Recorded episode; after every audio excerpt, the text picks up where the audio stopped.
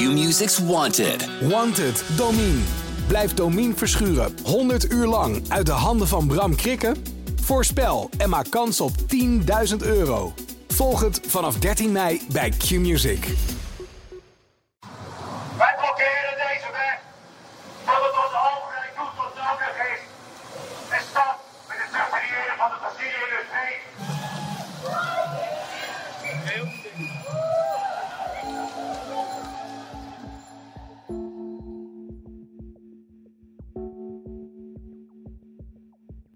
Dit is Ondertussen de Kosmos, de podcast van de wetenschapsredactie van de Volkskrant, waarin we alles en iedereen door een wetenschappelijke bril bekijken.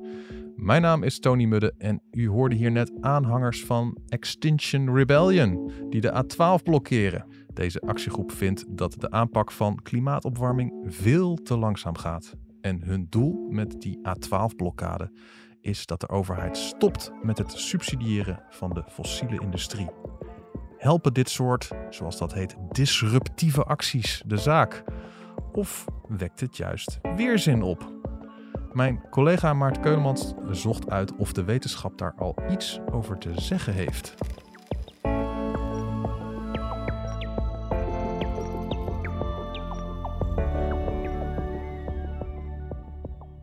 Maarten, Extinction Rebellion. Even om het weer scherp te krijgen, wat is dat voor organisatie? Het is dus inderdaad, zoals je al aangaf, een uh, klimaatprotestbeweging. Ze zijn begonnen in 2018. Uh, drie mensen hebben dat opgericht in Engeland. En eigenlijk een beetje met het idee van het gaat allemaal veel te langzaam. Ja. Uh, als je het logo, dat ken je misschien ook al van ze, van de vlaggen en van de posters. Dat is het een soort de twee op elkaar gestapelde driehoeken met een rondje eromheen. Mhm. Die driehoeken, dat zijn eigenlijk een gestileerde vorm van een zandloper. Zij Ja. vinden gewoon de tijd is op, het gaat veel te langzaam. Soorten zijn nu aan het uitsterven. We moeten nu echt onmiddellijk in actie komen. En heel veel zeggend in hun eerste actie was ook ja, het eh, kantoor van Greenpeace eh, binnendringen.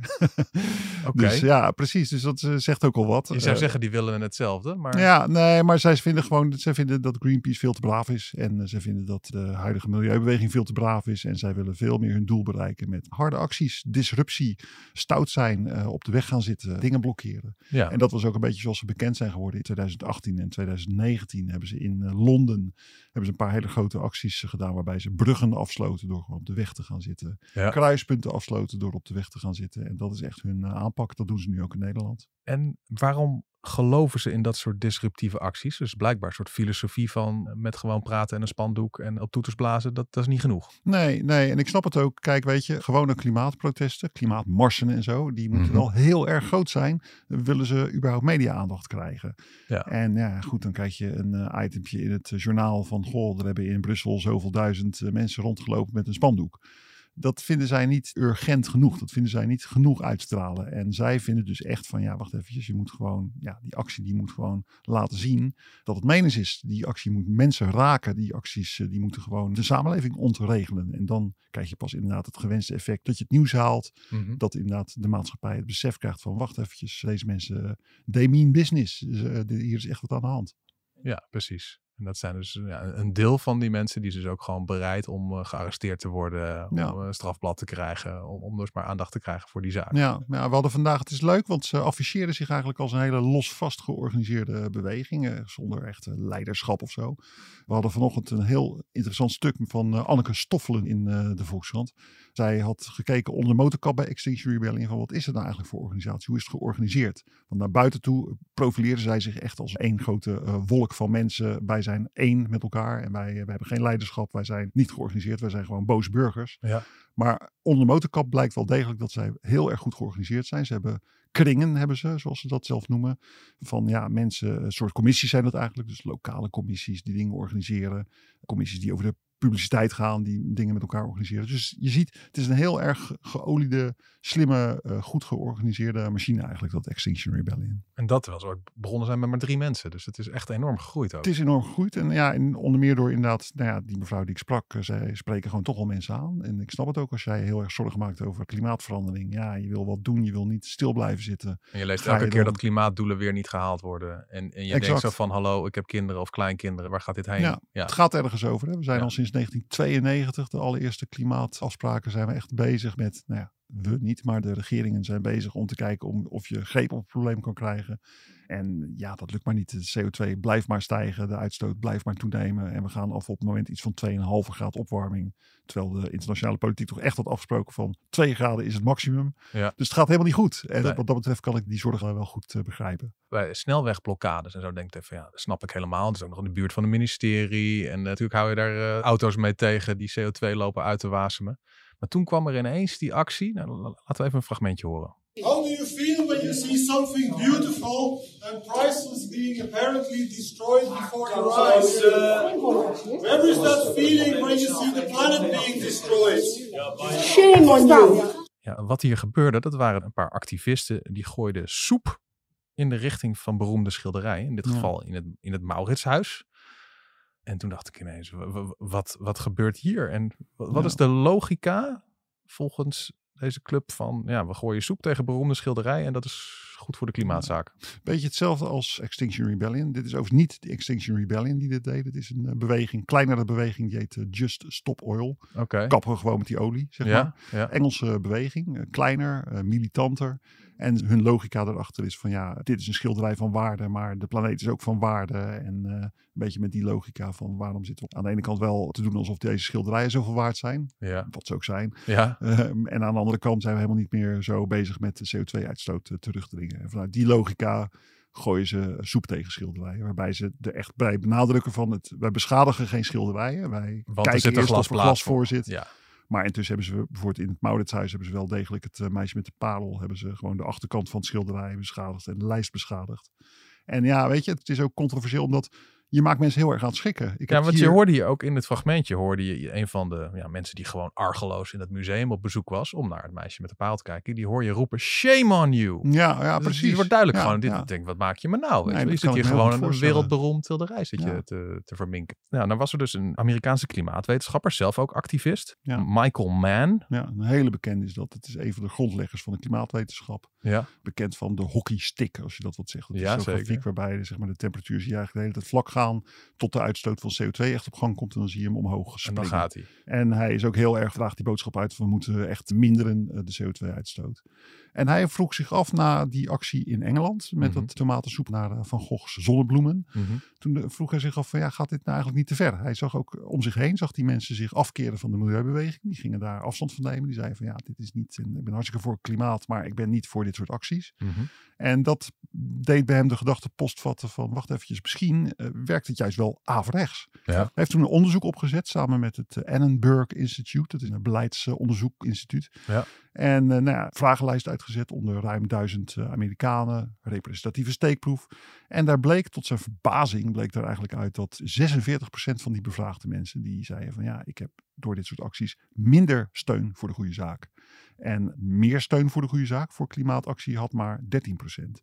En zelfs 27% die had echt zelfs veel minder liefde voor, eh, voor klimaatbeleid door dit soort acties. Maar als je dat leest, dan denk je toch van, nou, uitgemaakte zaak, dit moet je gewoon niet doen. Als het klimaat je dierbaar is. Of- Nou, ik moet je zeggen, het is ook grappig, want ik dacht dat dus zelf ook. Eh, Michael Mann heeft hier een artikel, heel leuk, genuanceerd, interessant artikel over geschreven in het eh, tijdschrift eh, Time. Mhm. Ik heb ook deze cijfers op Twitter gezet bijvoorbeeld en gezegd van jongens, kijk nou uit met die acties. Want interessant ook, hij had het in zijn vraagstelling niet alleen over het soep tegen schilderijen gooien, Mhm. maar hij had het ook over, heel nadrukkelijk, het blokkeren van snelwegen. Ja. En dat is natuurlijk wat we in Nederland doen. Dus ik heb dit op Twitter gezet en jongens, kijk nou uit. Waar zijn we nou eigenlijk mee bezig? Dit is helemaal niet goed. Hierbij eh, schieten die klimaatactivisten zichzelf in hun eigen voet. Mhm. En het aardige is dat, nou ja, dat moet ik echt terugnemen. Want Bij deze, dames en heren, een rectificatie Ja. van Maarten Keulemans van Ja, een tweet. Ja. Nou, dat is omdat ik er gewoon wat dieper in ben gaan duiken. En ik ben gewoon wat, sociaal wetenschappers gaan bellen, politicologen en mensen die hier echt onderzoek naar doen. En die zeiden meteen tegen mij van ja, luister, een vragenlijstje eh, uitschrijven en aan duizend mensen vragen van wat vind je er eigenlijk van? Dat is helemaal niet zoals wij dit soort onderzoeken doen. Die zeggen eigenlijk tap tap Michael Mann, leuk dat je aan het klimaat kan rekenen en dat je met die hockeystick kwam. Maar, Maar, hou maar je- vragenlijsten, dat is onze business. en, dat, en dat werkt precies, anders. Ja. Inderdaad.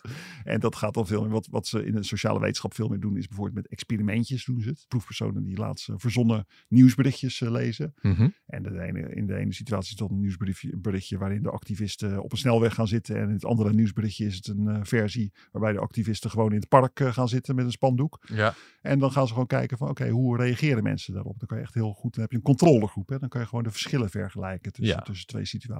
Ja, want als iets in het echt gebeurt, dan heb je natuurlijk niet een tegelijkertijd een A12 waar dat niet gebeurt. Nee, Nee. precies, precies. En het andere wat ze altijd doen is gewoon in al lopende onderzoeken. Dus weet je, je hebt van die onderzoeken dat mensen telkens weer dezelfde vraag stellen. Telkens weer van wat vind je van het klimaat, wat vind je van het klimaat. En dat wordt dan herhaald om de zoveel maanden. En in dat soort langlopende onderzoeken, dan kan je misschien, dan krijg je van die lijntjes, dan kan je trends in zien. Hè? En als je dan bijvoorbeeld ziet van er is een klimaatprotest geweest. En ineens zou, laten we zeggen, de steun voor klimaatbeleid naar beneden kukelen. Ja, dat zou dan wel eens een aanwijzing kunnen zijn dat het niet heeft geholpen, dat klimaatprotest. En omgekeerd, als de steun voor klimaatbeleid ineens omhoog schiet, dan zou dat natuurlijk op kunnen duiden dat die acties hebben geholpen. Een heel interessant onderzoek daarbij is gedaan eh, in eh, 2019. Toen, eh, nou ja, wat ik al eerder vertelde, die eh, protesten van Extinction Rebellion, waarbij ze op vijf kruispunten in Londen gingen zitten. Mhm. En eh, daar zag je eigenlijk gewoon in de cijfers, je ziet dan heel, als je goed kijkt, zie je in die langlopende onderzoeken, zie je dat rond die tijd de steun voor klimaatmaatregelen een beetje toenam.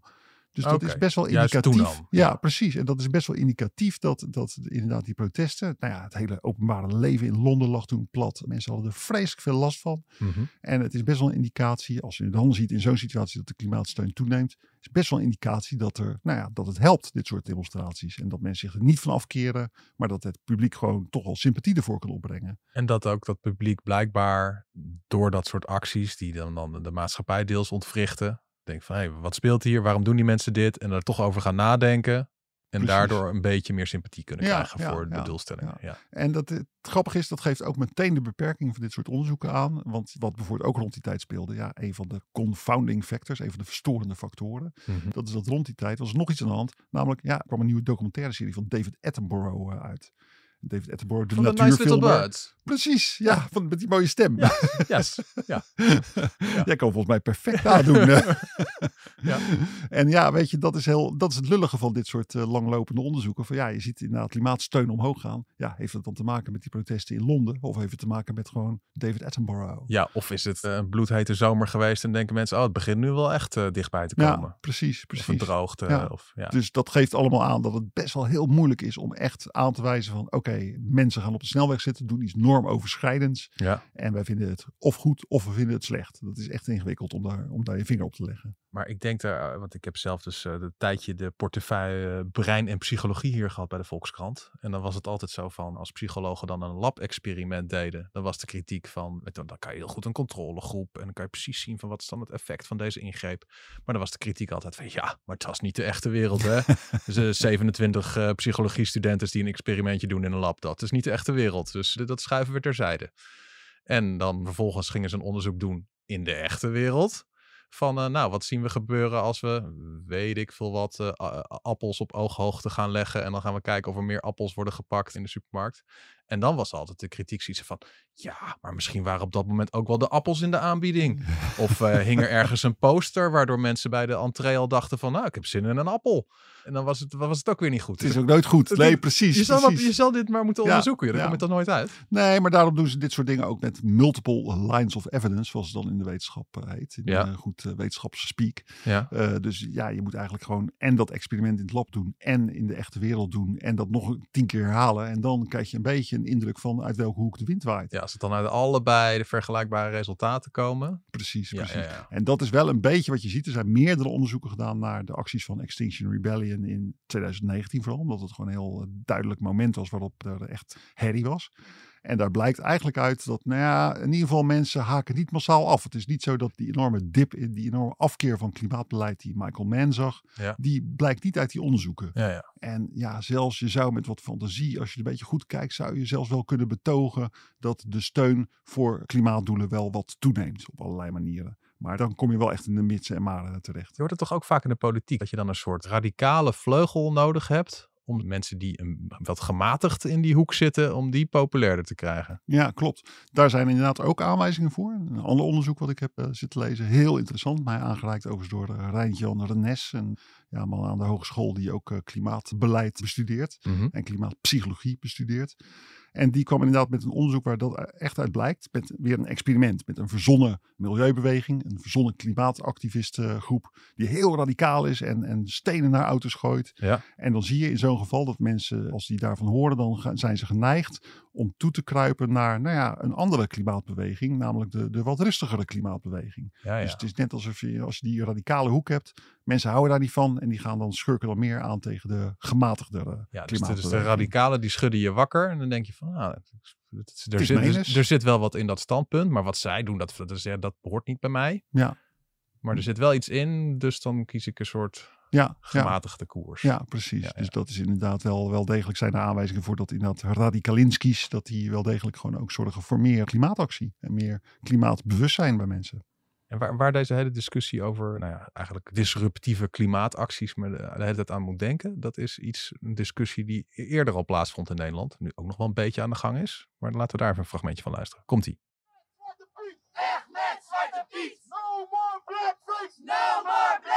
Weg met Zwarte Piet. Ja, Kick him Ja. out. precies, precies. Dat was jaren geleden. Nou, dat was niet van het kaliber dat daar echt hele strafbare dingen gebeurden. Nee, Maar het was ook wel gewoon tijdens de intocht. Families met kinderen. Die lopen daar, Ja. die komen daar gewoon voor een, voor een soort kinderfeestje. En dan staan er ineens allemaal demonstranten met, met spandoeken die zeggen Zwarte Piet weg. En, Ja. en dan krijg je natuurlijk kinderen die vragen van, hè, waarom zijn deze mensen tegen Zwarte Piet? Nou ja, het heeft ook wel echt iets disruptiefs. ja, zeker, zeker. En ik denk dat je daar ook een beetje dat effect ziet van die, nou ja, die radicale flank Ja, die mensen toch toetrekt naar de zaak. Ja. Maar niet per se naar die radicale flank. Je ziet dat die beweging kick-out Zwarte Piet, die is altijd vrij klein gebleven. Dat is altijd een beetje dat is de voorhoede gebleken. Ja. En tegelijkertijd zie je wel degelijk dat we nou ja, heel geleidelijk toch wel echt onze Zwarte Pieten zijn gaan aanpassen. De samenleving bleek niet helemaal doof voor het eh, protest van die eh, kick-out Zwarte Piet beweging. Nee, en daar, ook daarvan zou je natuurlijk kunnen zeggen van ja, er speelden ongetwijfeld eh, honderd andere dingen in de samenleving waardoor die verandering in gang is gezet. Ja, Maar ik, ik, dit moet hieraan hebben bijgedragen, lijkt mij. ja Dat op een gegeven moment bedrijven die gingen stoppen met, eh, met Zwarte Piet. Sinterklaasjournaal ging stoppen met Zwarte Piet. Dat is echt gewoon een, ja. Ja. met, met Nou. disruptieve acties hebben toch wel geleid tot een, echt een kentering van Ja. denken bij heel veel mensen. Nog steeds niet allemaal natuurlijk, maar wel echt heel veel mensen. Ja, ik, ik moet zeggen, ik heb er zelf helemaal geen, geen onderzoek over deze specifieke kwestie gelezen. Mhm. Maar ik kan me heel goed voorstellen dat door die acties van Kick-Out Zwarte Piet, dat het onderwerp beladen werd. Het was ineens niet meer onschuldig. Ja. En dat zal echt heel erg hebben gescheeld. Weet je, het is tot nu toe was het altijd zo van, ja, het is eigenlijk niet helemaal jovel dat je gaat lopen blackfacen en je gaat zwart schminken en je gaat verkleden als een persoon van kleur. Dat is natuurlijk heel raar eigenlijk, een rare gewoonte. ja. Maar ja, zolang er niet echt iemand is die heel hard eh, gaat roepen van jongens, waar zijn jullie eigenlijk mee bezig? Ja. Ja, dan kan je er ook heel makkelijk mee, eh, mee doorgaan. En eh, ja, ik denk dat dat wel een beetje is gebeurd wat we de afgelopen jaren hebben gezien. Misschien moeten we nog gewoon even eindigen met de vraag. Wat denk jij dat het nog een beetje goed komt met het klimaat? Ja, dat is een hele diepe vraag. Definieer goed komen. Ja. Definieer goed komen. Ja. Ik denk dat het goed komt, omdat alles al goed komt. Ik vind het erg geruststellend dat de hele hoge scenario's. Tien jaar geleden was het echt nog wel een beetje mogelijk dat we zouden uitkomen op 5 graden, 6 graden opwarming. Mhm. Heel rampzalig, heel onregeld, heel akelig. Ja, En dan kan je die Nederland scenario's- opheffen, toch? Over, ja, eh, ja. Nou ja, over 100 jaar. Ja, 200 jaar. ja, en die scenario's zijn wel echt een beetje van de baan. Dus dat, Mhm. dat is geruststellend. Eh, tegelijkertijd, ja, weet je, je ziet nu al gewoon, en dat vind ik echt wel fascinerend, dat je gewoon nu al om je heen ziet wat klimaatverandering allemaal doet. Ja. Met recordwarmtes, eh, gekke winters die alleen maar zacht en slap zijn in Nederland. Allemaal dat soort dingen. Droogtes. Denk even aan de droogte in Italië die we nu weer. Zelfs nu hebben we alweer droogte in Italië. Bizar natuurlijk. In de winter. Ja, precies. Ja. Gletsjers die afbreken, allemaal dat soort eh, dingen. Bosbranden, noem ze allemaal op. Dus het is nu al zichtbaar. En we zitten nu nog maar op, nou ja, wat is het, graadje opwarming. Ja. Dus, en we gaan af op 2,5 graad. Dus ja, dat, eh, dat worden nog meer effecten. Dus ja, definieer goedkomen. Het is, goedkomen gaat het niet als je wil dat alles bij het oude blijft. Goedkomen gaat het wel als je gewoon beseft dat mensen, nou ja, die zullen wel weer zich aanpassen en er wat van maken. Ik snap de ongerustheid van Extinction Rebellion, snap ik wel. Precies. En eh, is dit de afsluiting van de podcast? Of heb jij je nu vastgelijmd aan de tafel? En, eh, Dat ga ik nu doen. en, en, en neem jij het nu gewoon over en blijf je doorpraten? Nee, ik ben zelf. Ben jij van de actievoerderij, eh, Tony?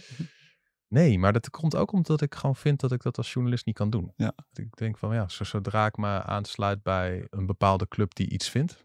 Ja, en dan moet ik ook andere mensen interviewen die iets anders vinden. En dan sta je ineens bekend en zeg van ja, maar jij vindt toch al dit. Dus Ja. waarom moet ik nog met jou praten? Dus ik, ja, natuurlijk vind ik privé wel dingen, maar ik zal me nooit publiekelijk bij een actiegroep aansluiten of zo. Nee, nee, Nee. nee, nee. Voor jou eh, gele tomatensoep eh, tegen het schilderij. eh. Nee, nee, nee, nee. Maar ik kan er wel verslag van doen. Ja, precies. Ja. Nee, Jij dus, dan? nou, zo sta ik er net zo in. Ik, Ja. vind, ik wil afstand houden tot het debat. En ik vind het ook eigenlijk veel leuker om heel erg radicaal vragen te blijven stellen aan allebei de kanten van de zaak. En ja, ik voel me daar veel prettiger bij om gewoon kritisch te zijn op zowel de klimaatbeweging zelf Mhm. als op ja, het klimaatprobleem natuurlijk.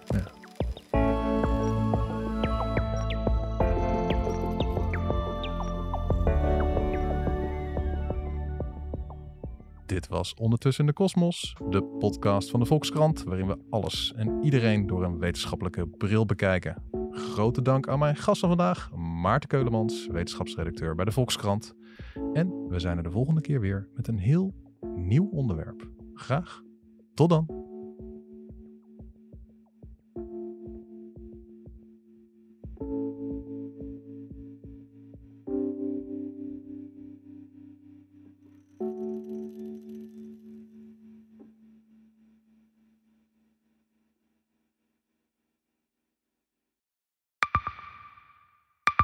Zijn leven is overhoop gegooid.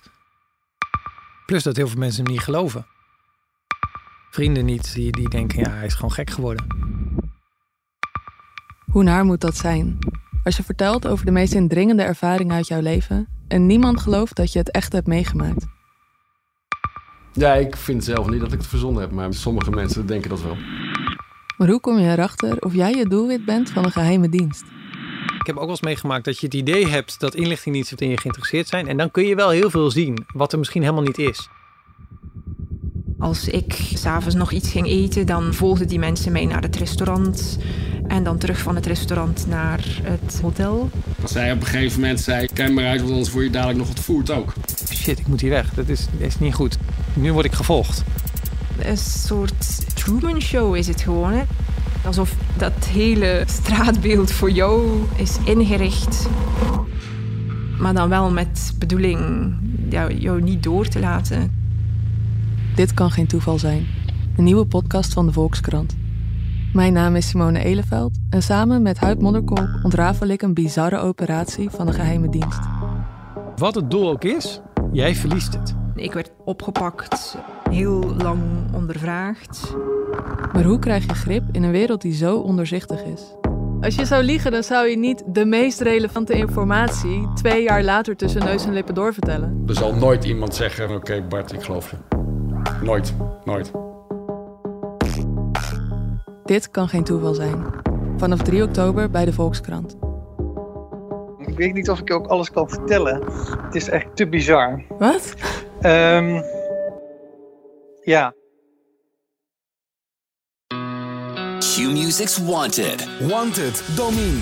Blijf Domine verschuren 100 uur lang uit de handen van Bram Krikken?